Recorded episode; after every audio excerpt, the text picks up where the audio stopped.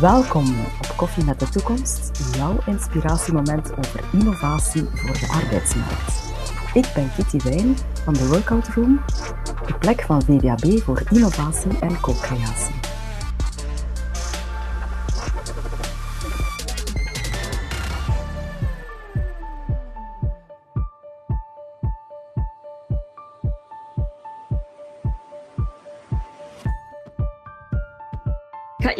Van harte welkom heten hier in de workout room. Nu kan ik het echt zeggen zonder te liegen. Van harte welkom thuis en van harte welkom de mensen hier bezig.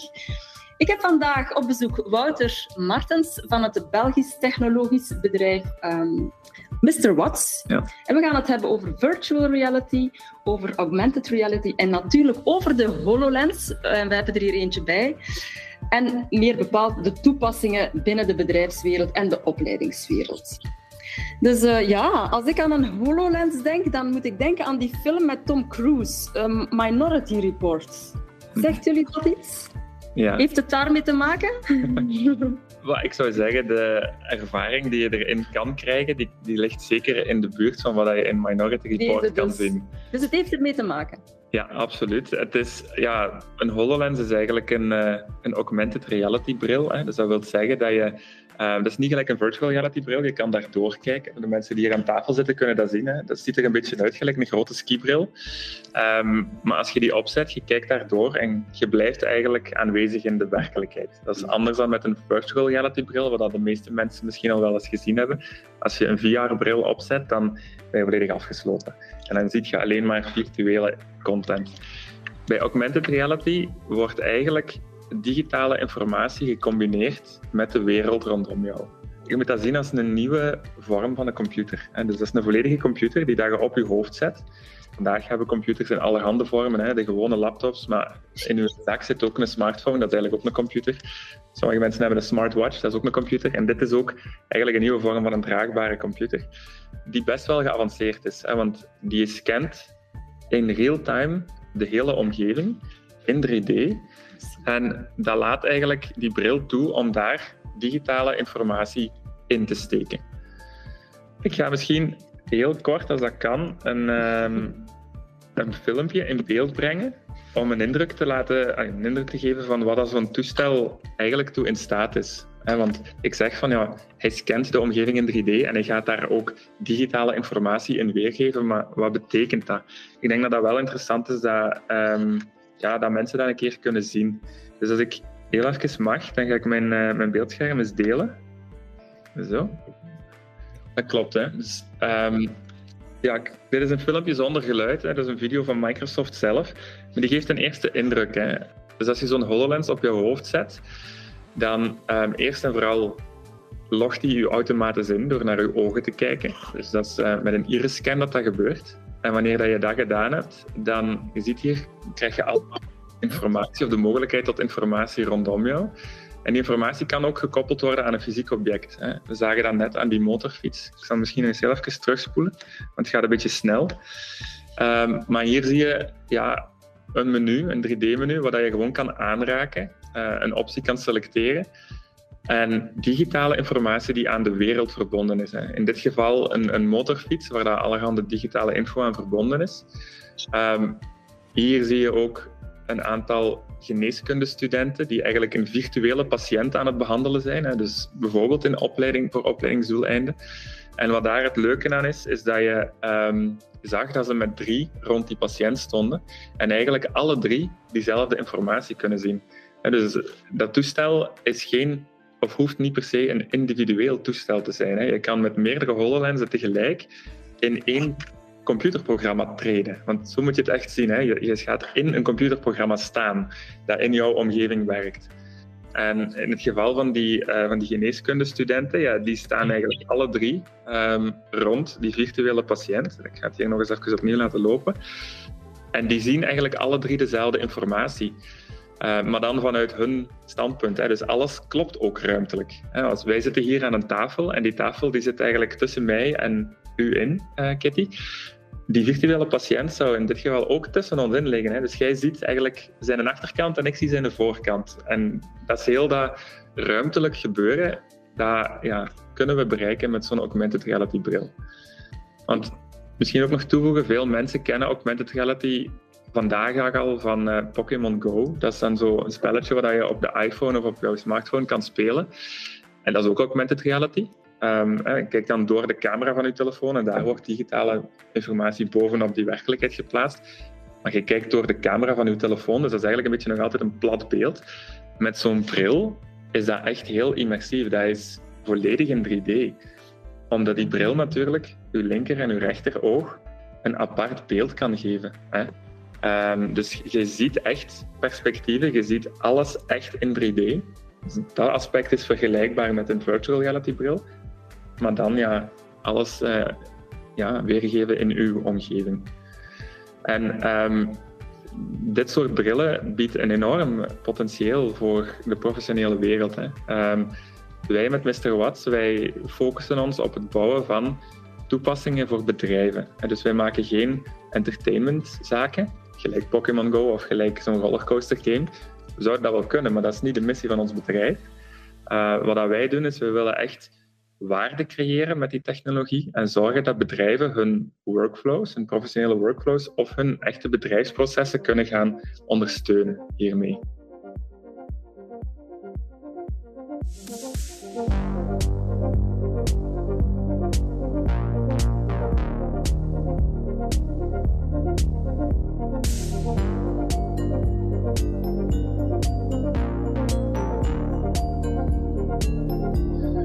En hoe zijn jullie erop gekomen om van dit jullie core business te maken? Um, ja, ik zie nog heel even een comment binnenkomen. Het is eigenlijk een heads-up display voor jouw hoofd. Dat klopt inderdaad. Hè. Ik weet niet wie dat de comment gaf, maar um, dat is inderdaad een goede benadering. Dat zo zou je het kunnen voorstellen. Een wat? Een heads-up display voor, uh, voor op je hoofd. Uh, dus heads-up displays kennen we vandaag bijvoorbeeld van in een auto. Hè. Als je een, uh, een iets duurdere wagen hebt oh, misschien, oh, ja, ja, dan heb je soms zo dat die wagen op de voorruit ook um, de GPS kan projecteren of kan weergeven. Dat, dat wordt een heads-up display genoemd. Uh, die techniek is vergelijkbaar met uh, wat er in de bril zit. Ja. Alleen is dit een stuk geavanceerder nog dan een wagen. En eh, vertel eerst eens iets over jouzelf, want hoe ben jij erop gekomen om... Jullie hebben dit niet zelf ontwikkeld, dit is nee. van Microsoft? Ja, dit is een product van Microsoft. Ja. De bril die ik vandaag bij heb is van Microsoft. Nu, er zijn er ook andere. Hè. Alle grote bedrijven zijn vandaag met uh, eh, AR en VR-technologie bezig. De meest bekende zijn Microsoft en dan Meta, de nieuwe naam van, van Facebook. Zij zijn ook zeer, ze geloven zeer hard in in AR en VR-technologie en zijn daar ook heel grote ontwikkelingen in aan het doen. Maar evenzeer alle andere traditionele merken die we kennen van computers, gelijk Lenovo of IBM of HP, zijn ook allemaal eigenlijk brillen aan het maken. Vandaag zijn de twee meest geavanceerde die in de markt beschikbaar zijn, deze van Microsoft en dan een bril die dat we de Magic Leap noemen. En dat is eigenlijk een Silicon Valley startup die dat ook dat product maakt. Hoe zijn wij inderdaad erbij gekomen om um, ja, onze core business hiervan te maken. Ik was, ah, ik zal beginnen bij mezelf. Ik ben um, programmeur van achtergrond. Ik heb um, ongeveer 15 jaar ervaring in de informatica-wereld. En ik ben, voordat we met Mr. Watt um, gestart zijn, CTO geweest van, van een ander bedrijf, iCaps, waar dat wij mobiele applicaties maakten voor smartphones en tablets. en natuurlijk, vanuit die context moet je zorgen dat je bedrijf altijd um, bij is. Hè. Wij, wij zijn uh, de thought leaders, heet dat dan, in de markt. En ik was een groot deel van mijn takenpakket bezig met nieuwe technologieën te bekijken en die naar waarde in te schatten. Um, en in 2016 al um, ben ik dan in aanraking gekomen met de eerste versie van deze bril. Zo HoloLens 1, die is toen al op de markt gekomen. Hè. Dan spreken we echt al over uh, zes jaar geleden, bijna zeven jaar geleden. En um, ja, ik was daar direct door geïnteresseerd. Ik heb dadelijk contact genomen met Microsoft en we hebben die technologie kunnen testen. En toen al had ik het gevoel, direct zag ik van oké, dit is een nieuwe vorm van een computer, maar ook een nieuwe vorm van computing. Hè? Hoe dat wij met computers kunnen werken, of hoe dat wij met een computerprogramma kunnen werken. En ja, ik, ik wist, ik voelde dat, dat dat op lange termijn heel groot ging worden.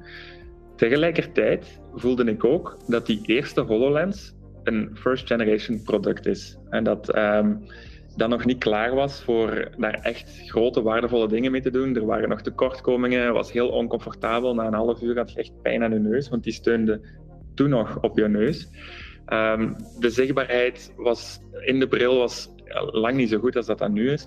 Dus ons oordeel was van ja, super interessante technologie, maar nog niet klaar om daar echt bedrijfstoepassingen op te gaan bouwen. Ehm, maar ik had wel voor mezelf uitgemaakt van ik, dit ga ik opvolgen. Uh, dit ga ik blijven volgen en zo gezegd, zo gedaan.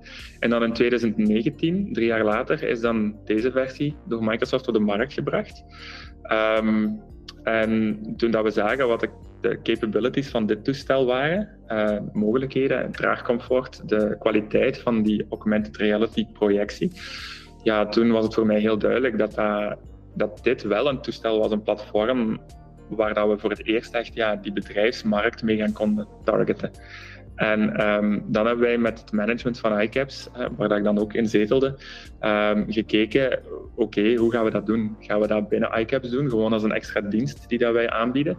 Of toch op een andere manier? En het is het tweede scenario geworden. Wij geloofden er zo hard, en geloven nog steeds, hè, maar we geloven er zo hard in dat we hebben gezegd van nee, kijk, wij gaan uh, een nieuwe vennootschap oprichten met een dedicated focus op dit soort technologie. Uh, ook een eigen identiteit en daar eigenlijk een merk van maken in de markt. En dat is uh, hoe dat Mr. Watts eigenlijk gestart is. In tijdslijn spreken we dan een paar maanden, want de HoloLens 2 is op de markt gekomen in uh, november, december 2019. En wij zijn met Mr. Watts gestart in april 2020. Dus we spreken dan een paar maanden later, voordat we eigenlijk ja, alles op orde hadden gekregen en de nieuwe verhaal eigenlijk konden laten starten. Ja, dus jullie zijn met een, een nieuw bedrijf gestart, ja. uh, gebruikmakend van dit toestel, maar alle toepassingen daarvan, die bestaan nog niet. Die, die bouwen jullie zelf? Wij bouwen die, ja. Dus Mr. Watts is een softwareproductiehuis, zo zou je ons kunnen noemen, om eigenlijk apps te maken voor dit ding, gelijk dat je ook een apps kan maken voor een iPhone. Dat is, allez, zo zou je dat vergelijkbaar kunnen stellen. Alleen ja, hier spreken we natuurlijk over applicaties die in augmented reality werken. Dus die in uw omgeving werken, waardoor dat totaal nieuwe mogelijkheden ontstaan van dingen die dat je kan doen. Uh, en daar heb ik straks ook een aantal voorbeelden van, uh, waarvan ik denk dat jullie die wel indrukwekkend gaan vinden. Enfin, ik hoop dat. En hoe gaat het dan in zijn werk? Programmeren jullie eerst dingen en die gaan jullie verkopen aan bedrijven? Of zoeken jullie eerst klanten en op hun vraag gaan jullie dingen bouwen? Um, het model wat wij hanteren is inderdaad een service model. Dus wij zoeken klanten die geloven ook in die technologie en die een toepassing willen laten ontwikkelen door ons. Um, en dat is ook de insteek waarmee dat we vertrokken zijn. Nu, in de looptijd van twee en een half jaar dat wij vandaag bestaan, hebben we dat tweede stuk ook al wel gedaan. Dus we hebben ook gezien dat er natuurlijk, omdat die markt zich aan het ontplooien is, en we zien dat er in bepaalde sectoren enorm potentieel is, maar ook een enorme interesse is in dit soort technologie, dat we ons ook realiseren dat er daar nu een opportuniteit is om ook ja, aan product development te doen. En eigenlijk ja, een first mover advantage te hebben, heet dat dan, hè, uh, in die markt. En iets op de markt te kunnen brengen daar in de vorm van een product. Dus wij zijn eigenlijk actief op de twee trajecten vandaag. Ja. En hoe nieuw is dit in België? Wij zijn zeker niet de enige allez, studio of de enige, um, het enige bedrijf dat met HoloLens-technologie aan de slag is. Hè. Eh, er zijn sowieso een aantal andere virtual reality agencies die dat ook dat potentieel zien en die augmented reality technologie ook aan het onboorden zijn. Maar de markt is sowieso, moet ik het zeggen, de, het aantal bedrijven dat er vandaag mee bezig is, is sowieso nog heel klein. Uh, dus we spreken hier niet over de honderden uh, in Vlaanderen. Dat gaat eerder uh, tussen de 50 en de 100 liggen. Ah, ja, toch al ja. wel. Ja. ja, maar dat zijn allemaal heel kleine bedrijven. Aan de andere kant heb je natuurlijk ook heel grote bedrijven, zoals Johnson Johnson is een mooi voorbeeld, of Janssen Pharmaceutica, die dat in-house zelf ook met dit soort technologie uh, bezig zijn. Hè. Dus er zijn ook veel grote bedrijven die zeggen van wij kunnen zelf ook software ontwikkelen en die eigenlijk ja, mensen heroriënteren, opleiden om hier ook mee dingen te kunnen doen. Ja.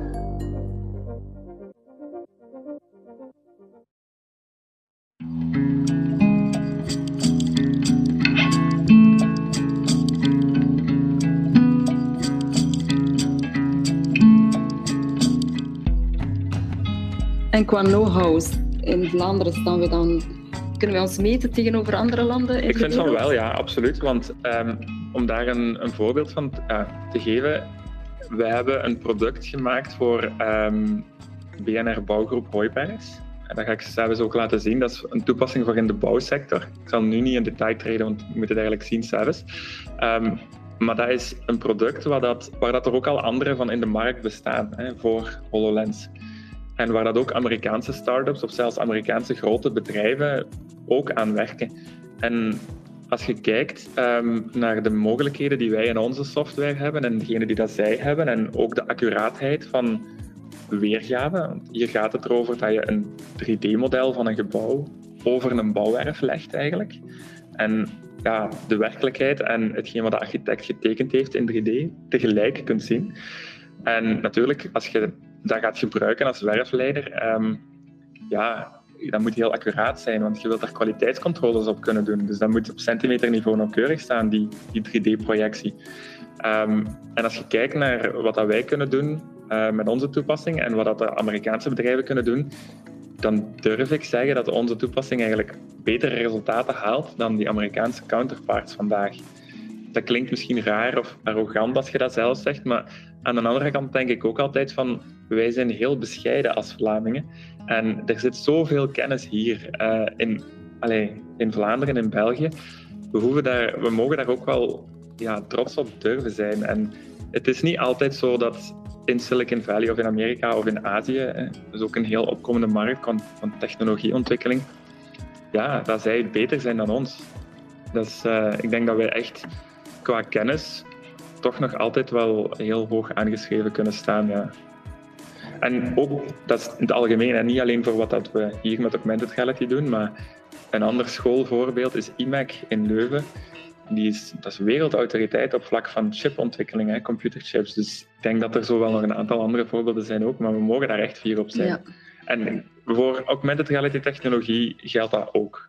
En werken jullie dan soms samen met andere bedrijven die gelijkaardige dingen doen? Of is dat echt wel concurrentie en, en doet ieder zijn ding? Um, nee, we kunnen zeker samenwerken. Ik denk, um, vandaag, zeker zijn wij vanuit Mr. Watts in een mindset dat het beter is om de krachten te bundelen, in elkaar te klikken, om eigenlijk die uh, nieuwe markt zich te laten ontplooien, um, dan, dan elkaar te gaan beconcurreren.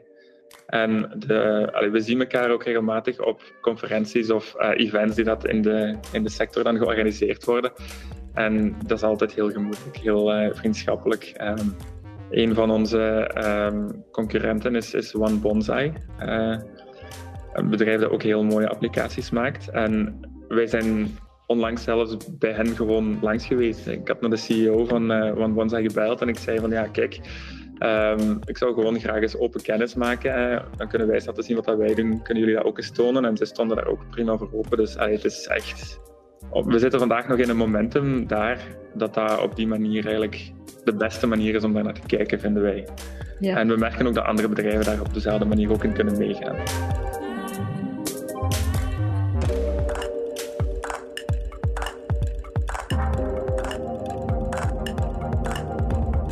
Mooi, Wouter. Ik ben nu echt al heel benieuwd om te gaan zien wat het nu eigenlijk allemaal kan doen. Ja, ik ga een paar uh, slides verder gaan. Um, maar dit gaat over ons bedrijf. Uh, daar ga ik niet dadelijk op inzoomen, maar dat is eigenlijk onze service offering. Um, maar ik wil wel een aantal, uh, ik ga ze zeker niet allemaal overlopen, maar ik wil gewoon een aantal dingen laten zien rond de eigenschappen van zo'n toestel. Hè, dat jullie goed begrijpen wat dat het vermogen daarvan is. En dan zal ik een aantal use cases tonen. Um, zoals ik daarnet al zei, uh, die bril die kijkt eigenlijk naar je omgeving. Um, die kijkt eigenlijk naar alles tegelijk. Hè. Dus die kijkt naar de persoon die dat hem draagt. Dat is een eerste belangrijk gegeven. Um, wanneer je zo'n bril opzet, dan gaat hij een iris-scan uitvoeren. Als je dat wil, je kan dat ook altijd afzetten.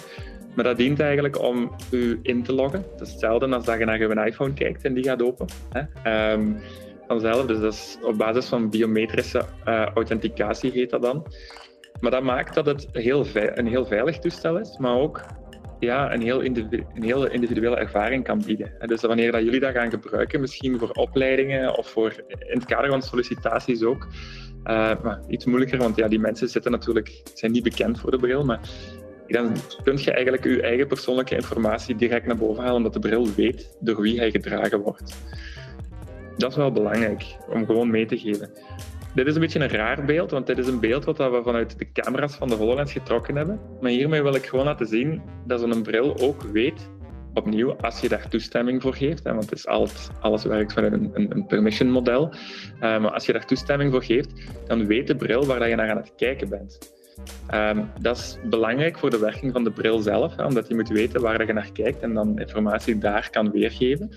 Maar dat kan ook gebruikt worden om bijvoorbeeld opleidingen te gaan zien. Hoe goed kunnen mensen, hoe duidelijk zijn dingen voor hen? Kijken ze naar de juiste zaken? Als je bijvoorbeeld een machine moet leren bedienen in een fabriek, en um, daar is een opleiding voor die daar in augmented reality uitgevoerd kan worden, dat gaan we zelfs zien dan kan je ook achteraf zien van ja, hoe goed heb jij dat gedaan? Hè? Hoe snel, er is er een alarm aan afgaan, hoe snel heeft dat je aandacht getrokken?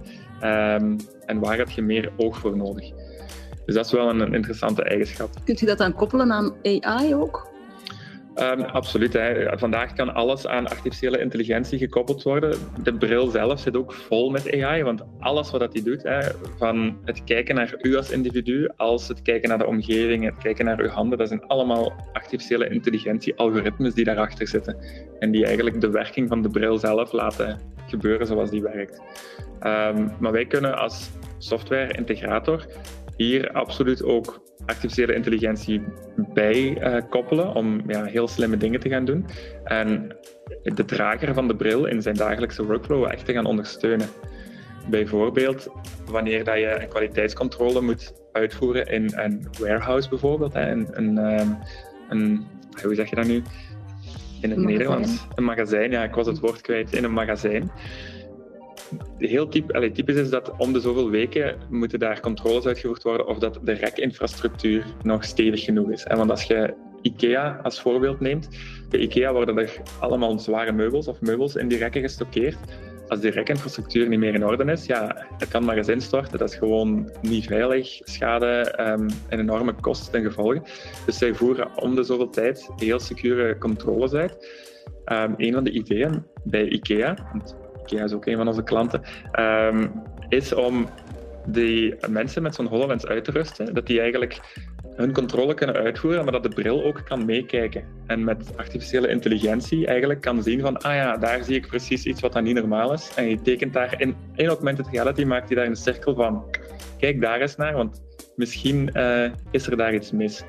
En eigenlijk is dat een, in, op die manier een hele mooie en hele krachtige ondersteuning van de persoon die op dat moment eigenlijk die kwaliteitscontrole, die veiligheidscontrole aan het uitvoeren is.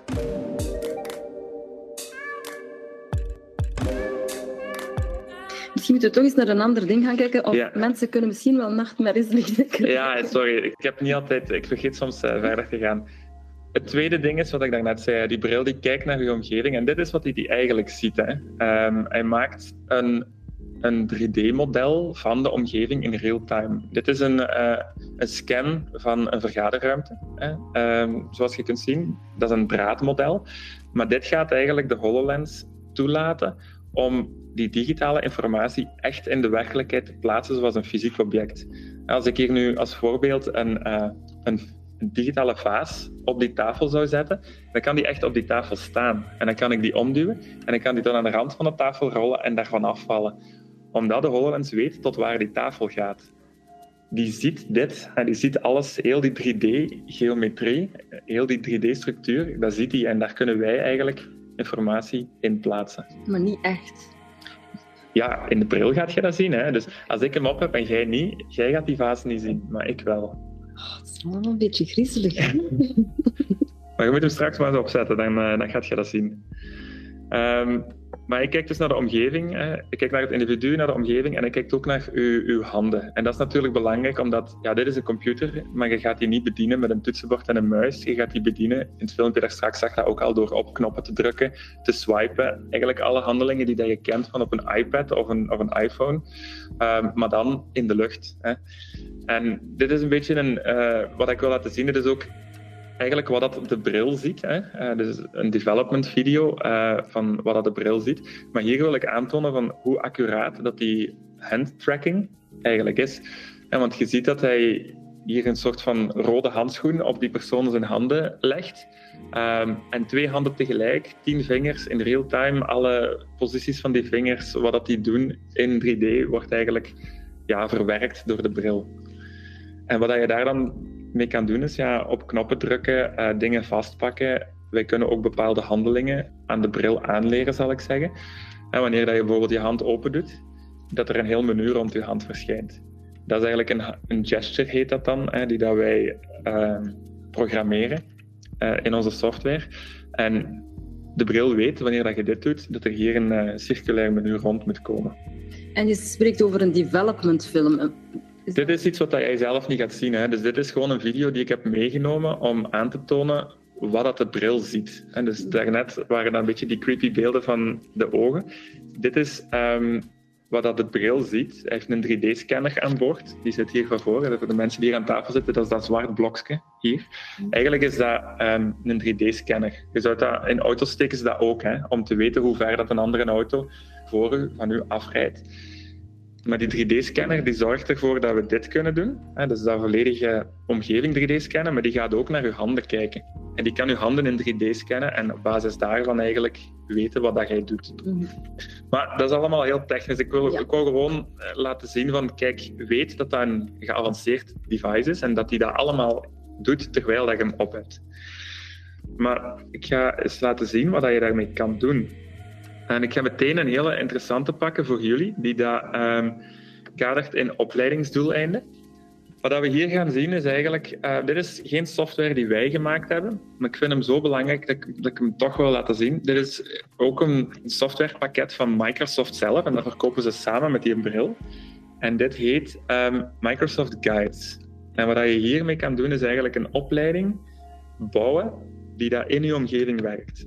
We gaan dat zien. We zien hier dat er een, um, een teamleader eigenlijk op een soort van PowerPoint-achtige manier een opleiding aan het maken is. En dat begint op haar computer. En dan heeft ze die gemaakt. En dan gaat ze eigenlijk die opleiding met die verschillende stappen verbinden aan een echte fysieke werkelijkheid. In dit geval is dat een motor um, die daar gemaakt moet worden in de fabriek. En deze dame is eigenlijk uh, nieuw in het bedrijf en moet leren hoe dat ze die motor kan assembleren. En kan in augmented reality instructies krijgen, stap voor stap, van welke onderdelen dat ze nodig heeft, hoe dat ze die op die motor moet plaatsen. Uh, en zij kan echt zien op welke plekken welke handelingen uitgevoerd moeten worden en kan zo eigenlijk volledig begeleid worden um, op haar eerste dagen, haar eerste weken, om die assemblage volledig te kunnen voltooien. En ik vind dit een fantastisch voorbeeld van wat augmented reality technologie toe in staat is. Hè? Want je ziet, dat werkt. Dat is een, een programma dat werkt in je omgeving. Je staat daarin. Dat vind ik heel belangrijk dat je dat snapt. Eh, je breekt eigenlijk. Eh, de meeste mensen denken van ja, computerprogramma's, dat is op je computer. Dat zit in een vierkant in mijn scherm. Of op een telefoon, dat is ook in een vierkant schermpje. Maar we staan nu eigenlijk aan nieuw begin van een nieuw tijdperk. Zo voel ik dat echt aan. Begin van een nieuw tijdperk. Waarin dat die computerprogramma's uit dat vierkant scherm breken. En echt in je omgeving kunnen werken. En ook veel meer kunnen werken aangepast aan hoe dat wij als mensen werken. Vroeger moest je altijd als mensen leren werken met een computer en vanaf nu gaan we veel meer de mogelijkheid hebben om computers te leren hoe dat wij als mensen werken en zich daaraan aan te passen. Want dit is, als je dat filmpje ziet, ehm, de eerste stap is van ja, je moet uh, een aantal schroeven gaan halen en die liggen in dit bakje hier. Um, als je dat niet weet, op de eerste dag, dat is wel super gemakkelijk. Die computer die heeft, eh, die werkt zoals wij dat werken. Je moet die daar gaan halen, je kunt die vastdraaien, je kunt daar deze sleutel voor gebruiken en je moet daar zes keer aan draaien en dan zit die vast genoeg. Dat zijn allemaal dingen die dat je kunt doen en dat werkt gewoon samen met u en de motor die je aan het assembleren bent. Dus dat, ik vind dat een heel mooi voorbeeld voor opleidingen, hè, van wat er kan, wat er mogelijk is.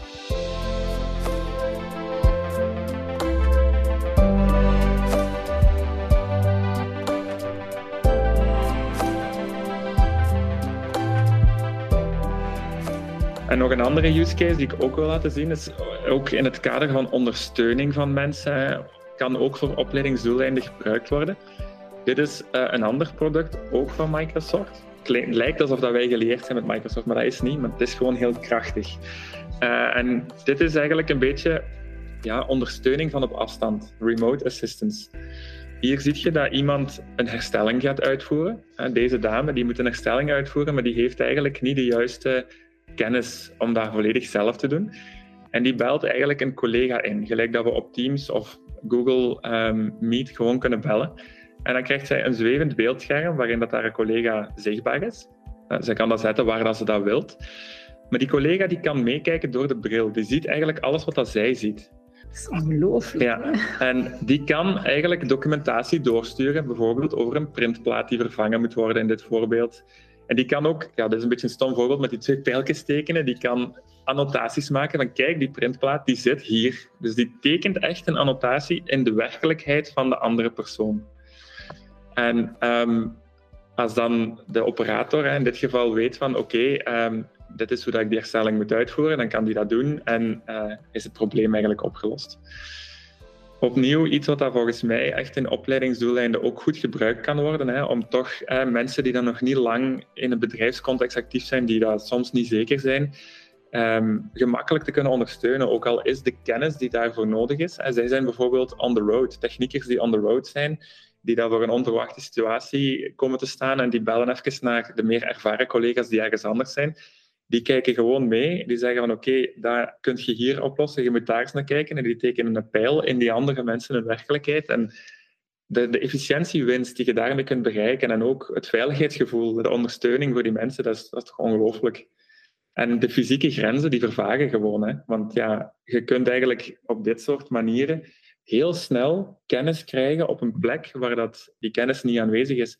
Veel van onze klanten zijn super geïnteresseerd in dit soort toepassingen. Um, bijvoorbeeld in de maakindustrie. Bedrijven die grote machines maken.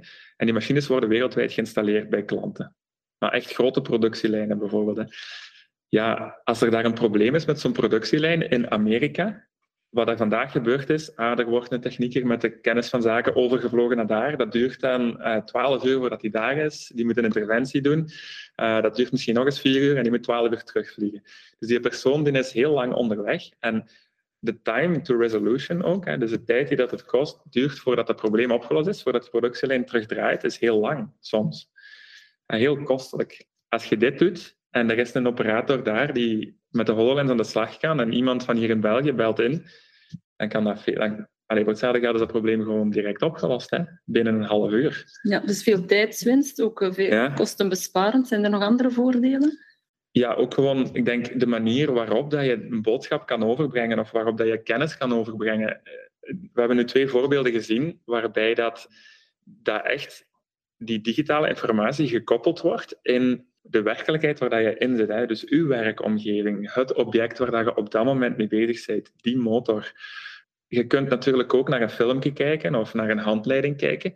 Maar ja, ik denk dat de beste manier om informatie over te brengen nog wel kan zijn dat dat echt toegepast is op hetgeen waar je mee bezig bent. En dat dat ook veel gemakkelijker is. De, de drempel om sommige handelingen te gaan begrijpen gaat veel lager kunnen geplaatst worden, omdat je daar op een veel betere manier, een veel meer toegepaste manier gaat kunnen tonen, die dat toch schaalbaar is. Hè? Want het alternatief is natuurlijk, je kunt dat vandaag ook door een ervaren collega eigenlijk samen te laten werken met die nieuwe dame en die motor samen te assembleren. Dat is, dat is een mooi equivalent, hè?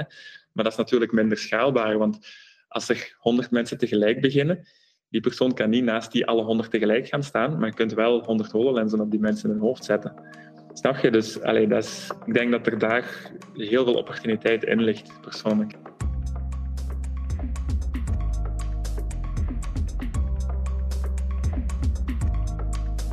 Ik had begrepen dat jullie al effectief ook bij VDAB zelf ja. aan de slag zijn? Dat is inderdaad voor die... Uh, daar ga ik even wat beeldmateriaal van laten zien. Um, dat is in Genk eigenlijk geweest. Hè, in um, op, jullie site daar, waarbij dat er ook een hele uh, productielijn staat. De CIF 400, denk ik dat dat is, als ik me goed herinner.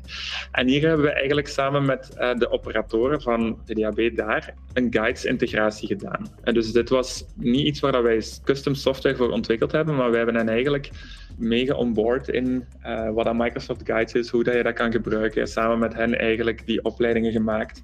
En dat was een, een kennistraject wat dat wij eigenlijk gefaciliteerd hebben. En met hen zijn dat dan de instructeurs? Dat zijn echte instructeurs, normaal gezien deze instructies aan cursisten geven? Ja, inderdaad. En dus we hebben die cursus, we hebben echt een cursus gemaakt, hè, uh, samen met de instructeurs. En ze hebben die zelf doorlopen. we hebben ook hen geleerd hoe dat ze dat kunnen maken uh, op een HoloLens. En dat is super goed verlopen In dit geval, ja, het begin van het filmpje ziet je eigenlijk heel veel dat er handelingen nodig zijn op het controlepaneel uh, van de SIF 400 um, apparatuur.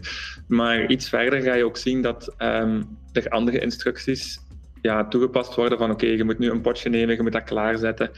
En in principe, dit is opnieuw heel ruimtelijk. Hè. Er zijn niet echt grenzen van hoe ver dat je met die HoloLens kan, kan weglopen. Hij, uh, hier gaat je dat zien. Wat is het, een impacttoestel? Of? Ik weet niet wat dat... Uh, ik denk voornamelijk voor opleidingsdoeleinden. Hè. Dus om die, de programmatie van die machine eigenlijk te leren. Van hoe dat je die moet zetten, hoe dat je die kunt uh, controleren. En dat zijn van die potjes die over een, een, loopband gaan, gelijk dat je kan zien. En die worden dan met van die kleine gele balkjes gevuld. Maar dat is allemaal, ja, dat zijn allemaal echte automatische processen die in een productielijn in een fabriek ook gebruikt worden. De cursisten zijn misschien onderhoudstechnici.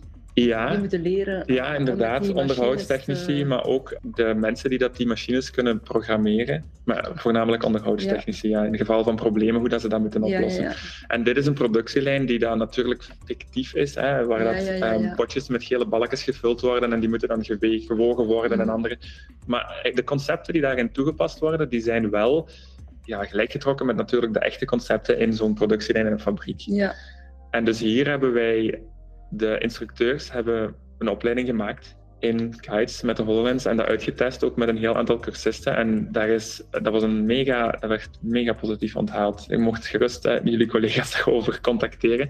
Ze waren heel enthousiast over hoe dat, dat werkte en de manier waarop dat je eigenlijk didactisch gezien kennis kan overbrengen opnieuw.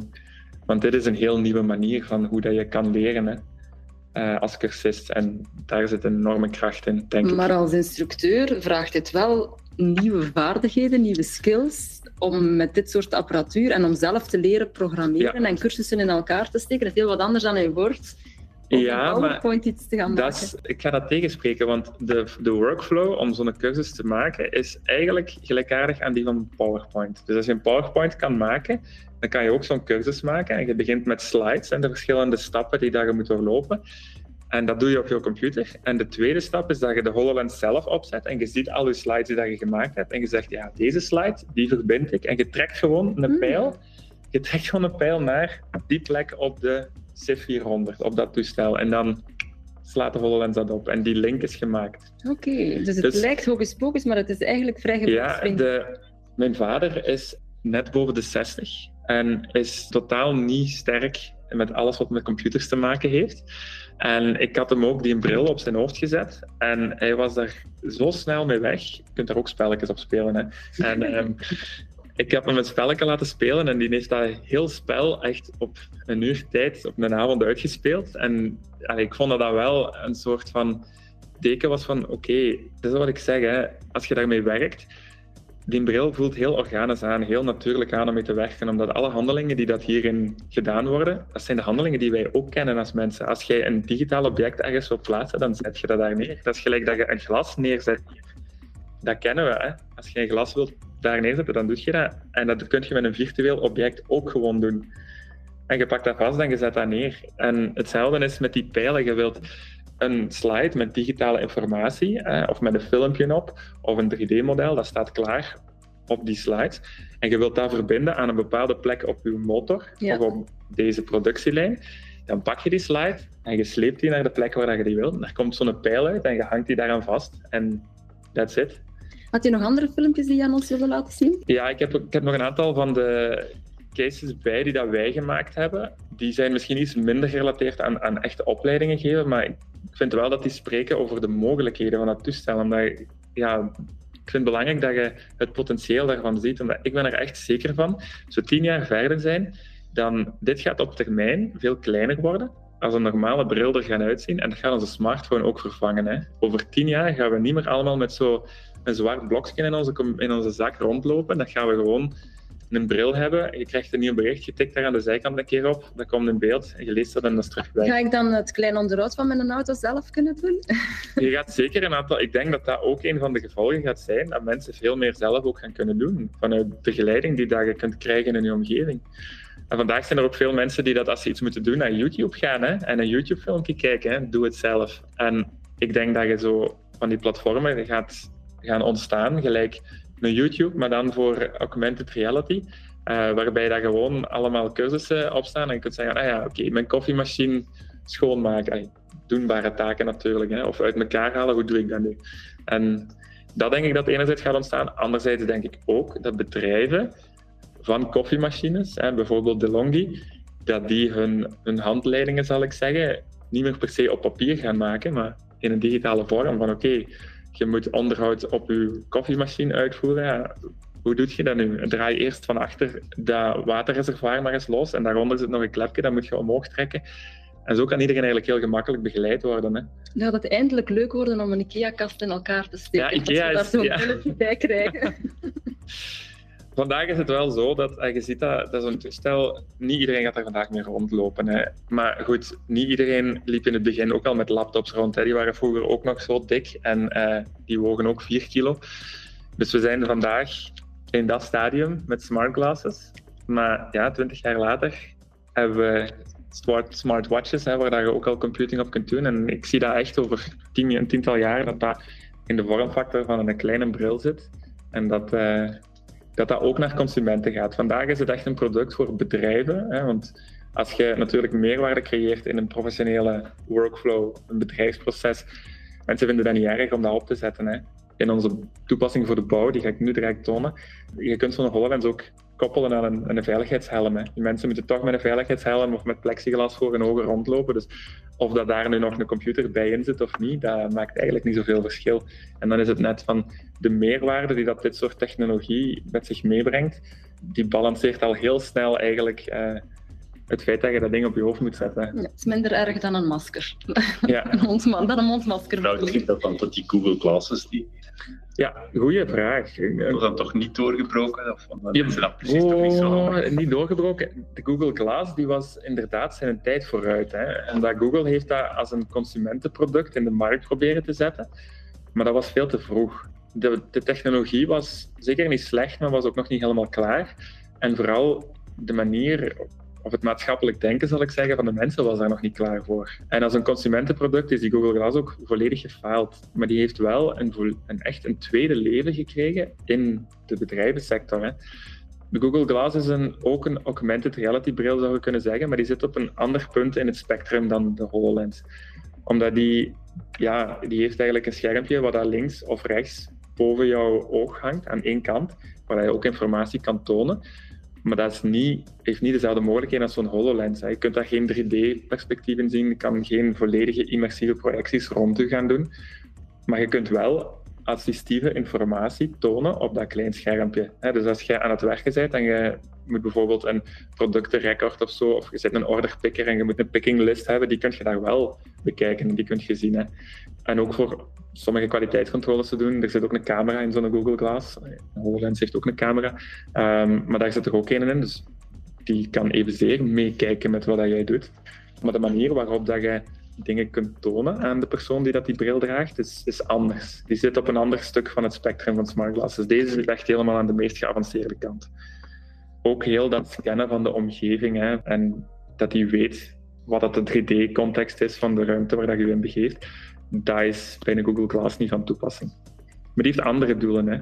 Ehm, er zijn ook van die echte industry glasses die op Google Glass lijken maar die bijvoorbeeld gecertificeerd zijn om in, uh, op een boorplatform te gebruiken zelfs, die daar in ja, petrochemische plants, waar dat ontploffingsgevaar is, echt gebruikt kunnen worden, omdat die bepaalde, hoe heet dat nu weer, ISO-standaarden of ISO-certificatie uh, hebben. En die hebben niet de mogelijkheden van een HoloLens, maar die zijn wel heel goed om die omgeving te gebruiken omdat die zo ruggedized zijn, omdat die ook tegen liters en liters water kunnen, gelijk op een boordplatform. Als daar de golven overslaan, ja, dan gaat dit toestel niet zo goed in gedijen. Uh, ik kan wel iets hebben, maar geen golf water. Maar die brillen die zijn allez, volledig IP68 waterproof, dus ja.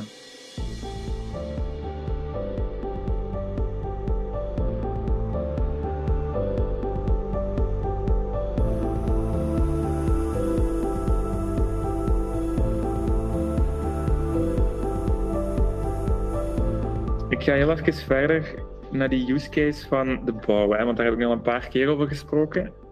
hier zie je dat wij, ja, het is even wat, uh, een intro van dat video nog, maar dat we eigenlijk het 3D-model van een gebouw, dat heet een BIM-model, dat wordt door de architect getekend en daar wordt allerhande andere informatie ook nog aangekoppeld, dat we dat kunnen weergeven bovenop de bouwwerf zelf. Dus op dit moment staat er nog niet. Dat is gewoon een stuk grond waar niks op staat. Inderdaad. En er staan wel een aantal pilaren. Je ziet dat zelfs ziet je dat beter. Nog een ander oh, beeld.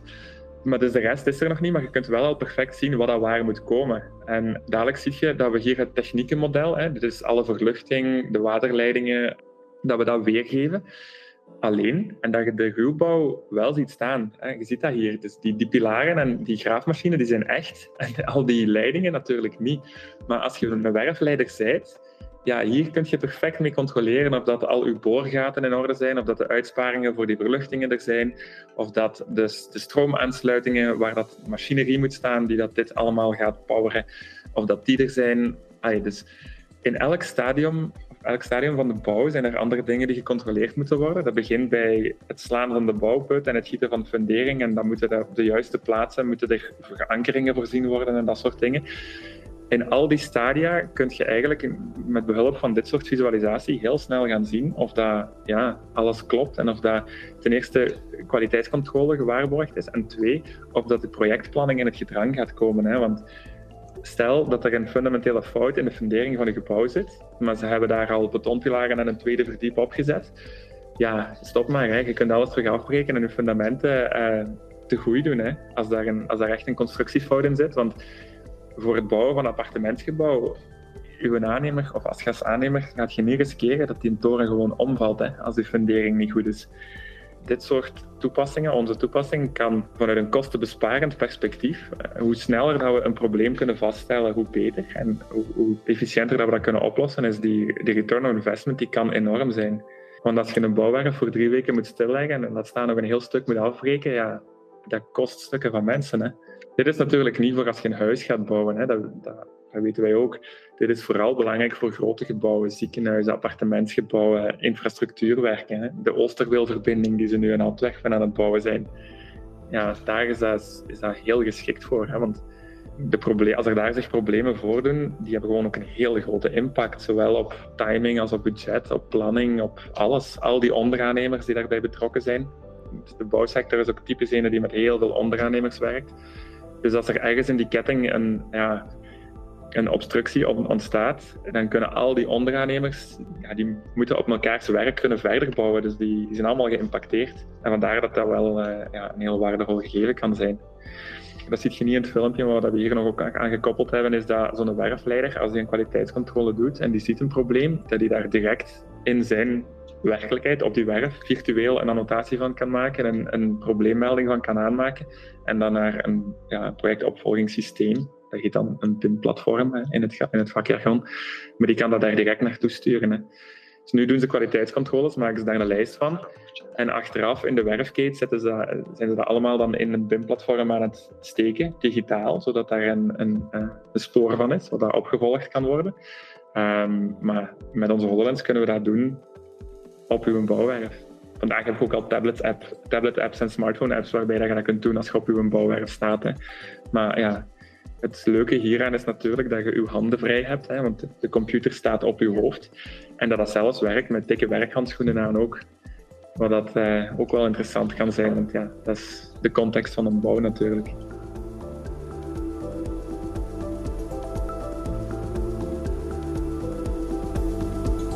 Ik zou zeggen dat we misschien de presentatie eventjes stoppen, zodat de mensen ons iets beter kunnen zien ook. En ik ga kijken of er al vragen zijn in de chat binnengekomen. um, ik zie een vraagje van Annelies. Kan je dan met 4G of 5G voldoende data doorsturen om iemand een werf bijvoorbeeld te helpen? Dat is een hele goede vraag eigenlijk, want wij hebben natuurlijk internet nodig hè, om dit soort dingen te doen. 4G is zeker en vast goed genoeg om bijvoorbeeld remote assistance te doen. Hè, wat we daar straks zagen, iemand op te bellen en gegevens door te sturen en die persoon kan meekijken. Daar is een 4G-verbinding zeker goed genoeg voor. In onze app voor die modellen weer te geven. Dit is een video van een tijdje geleden. Onze nieuwste versie, die rendert eigenlijk, die berekent niet meer alles op de bril. Maar die rekent eigenlijk in een een datacenter in, ja, in de cloud heet dat dan, hè, op een datacenter van Microsoft, omdat wij, ja, die 3D-modellen zijn zo groot, zo zwaar, ehm, dat we die niet allemaal meer snel genoeg kunnen gaan berekenen met de bril zelf. Dus maken wij gebruik van een hele krachtige server, een hele krachtige computer in de cloud. En daar wordt alles uitgerekend. En dat wordt eigenlijk ja, het resultaat daarvan gestreamd naar de HoloLens. En daar gebruiken we 5G voor, omdat daar een 4G-verbinding is daar niet snel genoeg. En dat is vooral omdat, dan spreken we over latency, hè. Vertraging um, is heel belangrijk voor ons. Als je je applicatie eigenlijk laat draaien op een krachtige server, maar je moet die wel weergeven in je bril, dan moet alles in een vingerknip van op die server tot op die bril komen. Zeker als je aan het rondkijken bent en in 3D, dat, dat is iets wat je, een werkelijkheid waar je in staat, hè, een digitale werkelijkheid waar je in staat. Dus als dat niet snel genoeg is, dan worden mensen daar gewoon misselijk van. Dan word je daar zeeziek van. Dus dat is echt, daar, daar zijn zelfs richtlijnen voor. Alles moet onder de, die informatieoverdracht van het moment dat iets gebeurt totdat je dat op je netvlies geprojecteerd krijgt, dat moet minder dan 100 milliseconden zijn. Dat is veiligheidsrisico's inhouden. En dat kan veiligheidsrisico's inhouden ook. Dus, en daar gebruiken wij een 5G-verbinding voor, omdat 5G als nieuwe technologie ons die latency kan waarborgen. En dat kan 4G niet. En ik ben heel blij met de komst van 5G. Wij werken ook, je hebt dat misschien ook gezien, hè, in de linkerbovenhoek voor dit project stond ook Proximus. We werken hier ook voor samen met Proximus. Orange is ook onze klant. Ze werken ook veel samen met telcos, omdat 5G-technologie voor ons als Mr. Watt echt een enabler is. Wij kunnen zonder zo'n snelle netwerkverbinding en zonder de mogelijkheid om eigenlijk rekenwerk in een server te doen en dat weer te geven op een bril, die mogelijkheid moeten wij hebben want dan kunnen wij fantastische applicaties maken. Want dan hebben we eigenlijk een mogelijkheid eh, naar augmented reality projectie die heel immersief is, maar we wel tegelijkertijd ook een ongelimiteerde rekenkracht. Want ja, de servers die dat erachter zitten, die kunnen we zo krachtig maken als dat we willen. Hè. Daar, daar is eigenlijk, virtueel geen limiet meer. En dan is de sky echt de limit. Hè. Dus um, is, voor ons is 5G echt een enabler, een enabling technologie die dat dingen mogelijk gaat maken die dat we anders niet konden. En dus daarom ook dat ik geloof dat nu dat nieuw tijdperk ontstaat. Omdat niet alleen die brillen, die beginnen er te komen en die gaan ook in een vormfactor komen die dat aanvaardbaar is, die comfortabel is, die draagbaar is.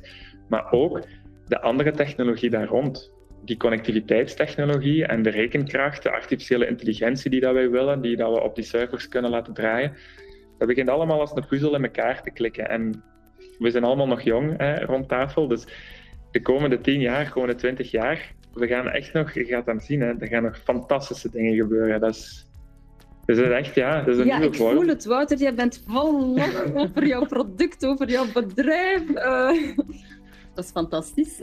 ik kijk uit naar uh, binnen tien jaar. Maar iemand stelde ook de vraag wat naar het kostenplaatje van heel dit uh, leuke verhaal. Ah, dat is ook een goede vraag ja, zo'n HoloLens is vandaag dus een nieuwe vorm van een computer en dat is iets duurder dan een, standaard laptop. Dit toestel kost 3500 euro, uh, exclusief BTW. Dus dat is natuurlijk niet goedkoop. Daarom, het, is ook, het is ook geen uh, consumententoestel, het is geen particuliere toestel. Natuurlijk, voor bedrijven, vind ik, is dat wel relatief uh, behapbaar. Zeker als daar een bepaalde meerwaarde in uw bedrijfsproces tegenover kan staan. En als we spreken over gaan rekenen in de cloud en daar krachtige servers gaan benutten, dat is natuurlijk ook, uh, daar hangt ook een kostenplaatje aan vast, maar dat is in C niet per se duurder dan een Teams licentie die je voor iemand koopt. Hè. Dat is ook een maandelijkse kost. Uh, dus daar denk ik, of ben ik van mening, dat ja, die kost, of die operationele kost, wel verantwoordbaar is, absoluut. En stel dat je het allemaal zelf zou willen doen en op je eigen servers zou laten draaien, ja, dan moet je ook investeren in dure servers zelf. Dus er staat ook een hele grote investeringskost tegenover. Het is een van de twee. Beide strategieën kunnen. Maar ik denk dat dat, dat, echt wel relevant is. Zeker ook als je kijkt naar de bedrijvenwereld. Bedrijven zoals IKEA, dat zijn natuurlijk grotere bedrijven, maar IKEA, DME of Dieter is ook klant bij ons, de importeur van Volkswagen die hebben vandaag al een heel informatica-landschap waar dat we dit ook op kunnen uitrollen.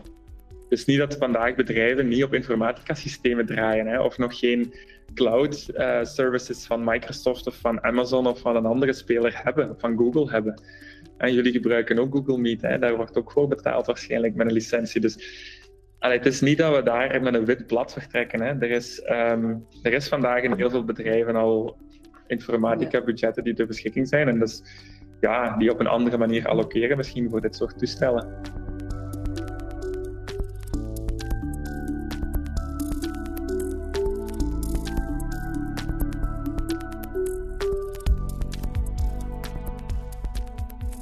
Mooi. Ik zie dat het uh, twee uur is, dus we gaan afronden. En ik heb hier nogthans een paar, uh, een paar leuke vragen.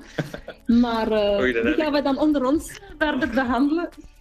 Ik ben heel blij dat jullie allemaal hier aanwezig zijn geweest. Dank je wel om deze zeer interessante uitleg van Wouter te horen. Het is effectief, ik ben overtuigd. Ik geloof echt dat het een nieuw tijdperk wordt. Ik weet niet hoe jullie het zien in, inzetbaar zijn in jullie branche rechtstreeks. Voor ons is dat misschien, je zit altijd met die kosten ook. En zeker omdat wij wel met consumenten bij manier van spreken. Ja. Als iedereen dat thuis zou moeten hebben om een gesprek te kunnen oefenen, of moeten we dat naar iedereen gaan brengen, even aan de uitlenen of zo. Dat, dus dat is ook allemaal nog vers. Dat is ook zo. Bij de toekomst, hè, maar je ziet daar zeker potentieel in. Maar ik denk, wat je zegt klopt, hè. ik volg dat ook 100%. Maar ik denk, de eerste vijf jaar gaat dat nu nog in de professionele markt, in de bedrijvenmarkt blijven. Maar daarna, en zeker over tien jaar, denk ik echt dat we dan naar de consumentenwereld gaan zien komen. En de kostprijs ook sterk beginnen Dat gaat zakken, dat gaat gelijk smartphones worden. En mensen gaan een smart glass hebben in plaats van een smartphone. En dan kun je daar wel gebruik van maken. Dus ja, het is ook koffie met de toekomst. Hè? Dus, uh... ja. Voilà. Dat was het voor vandaag. Uh, van harte nogmaals bedankt en uh, ik kijk uit naar de toekomst. ik ook. Maar ja, we gaan hem, we gaan hem maken. Hè. We gaan de toekomst gewoon maken. Hopelijk heeft iets van wat je gehoord hebt je geïnspireerd voor je werk. Wil je graag zelf in deelnemen aan een koffie met de toekomst of een ander event van de Workout Room? Neem dan een kijkje op de website vdab.be slash workoutroom. Graag tot gauw.